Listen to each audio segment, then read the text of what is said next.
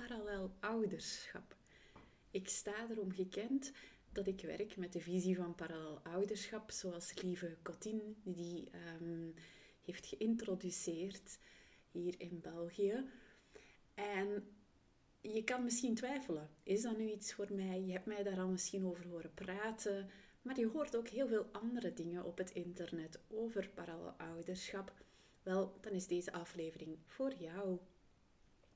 Welkom bij de Straffe Ouders na de Scheiding podcast.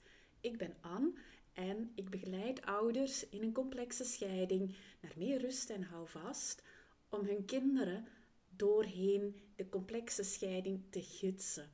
Want hoe je het ook draait of keert, die complexe scheiding, die kinderen zijn daar de dupe van. En dat wil je als ouder niet.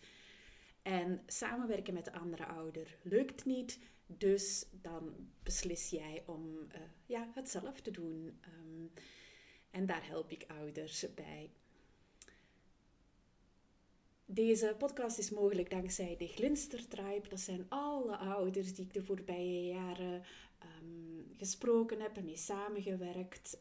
Um, dankzij hun ben ik ook altijd beter en beter uh, kunnen begrijpen, kunnen leren over die complexe scheidingen. En daarom dat ik ook deze podcast kan maken. De checklist starten met parallelouderschap. Ik maakte deze checklist denk ik in juni 2022. Um, ehm, die groeide uit de noodzaak die ik voelde omdat er... Ik voelde de noodzaak om die te maken, omdat er nogal heel wat over parallelouderschap gezegd wordt op het internet. En er zijn websites waarbij mijn haren overeind gaan staan.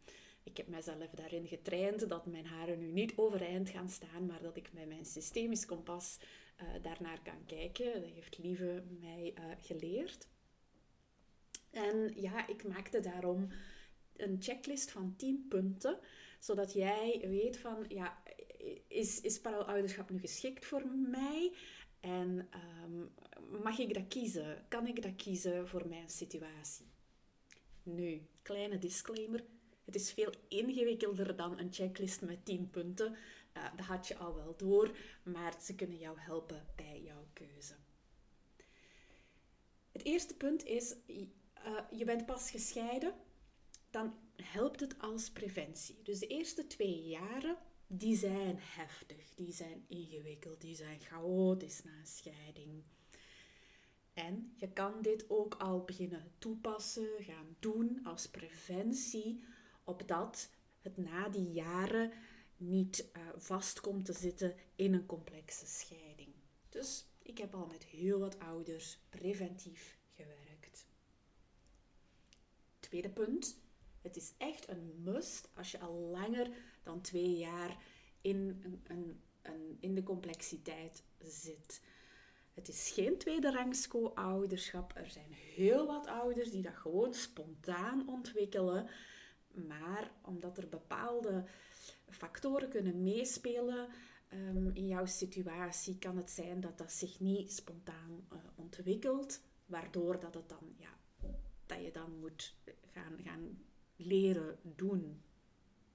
Bijvoorbeeld als er geweld in de relatie is geweest, dan is het soms al moeilijker om uh, spontaan tot parallelouderschap te komen. Een derde punt. Het is toepasbaar voor elke verblijfsregeling. Voor mij maakt de regeling eigenlijk niet uit als die leefbaar is. Die moet wel leefbaar zijn voor iedereen.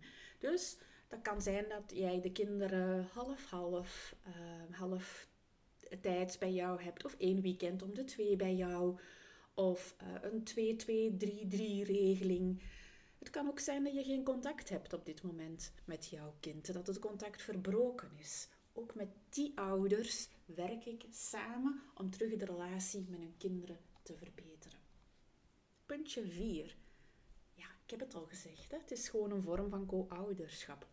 Ga zeker ook naar afleveringen uh, afleveringen. Aflevering 38 en 39 luisteren. Daar vertel ik daar meer over. Puntje 5. Wie doet er parallelouderschap?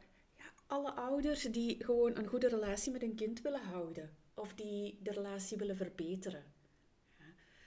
omdat het conflict dat ehm, werkt als een stoorzender in de relatie tussen kinderen en ouders. Kinderen gaan daardoor vervreemden van hun ouders. Dus dat is een belangrijke factor voor de keuze. Puntje 6. Het is een eigen keuze. Je hebt geen toestemming nodig van de rechter, van de bemiddelaar, van uh, jouw familie, van jouw partner, van de andere ouder. Het is jouw eigen keuze om iets te gaan doen, iets anders te gaan doen. 7. Je leert het niet door te weten wat dat parallelouderschap is, dus niet door deze checklist te luisteren of te lezen of te doorgronden. Je leert het door te doen. In het begin is het hard werken. Het goede nieuws is, het gaat altijd makkelijker en makkelijker. Puntje 8. Het is eigenlijk om die destructieve patronen, om die niet meer te voeden. Ik zeg wel ook eens indammen. Um, want die destructieve patronen die maken het de kinderen lastig om verder te gaan.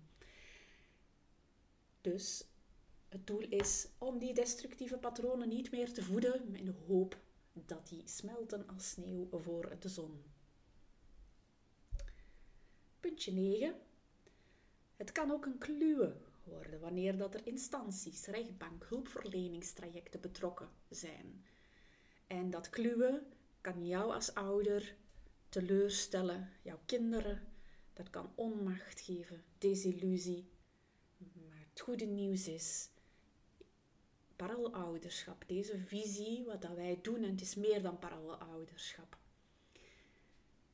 kan je ook stevig in gaan staan. En ik heb ook ouders begeleid om uit dat kluwen uit te komen. En puntje 10, support.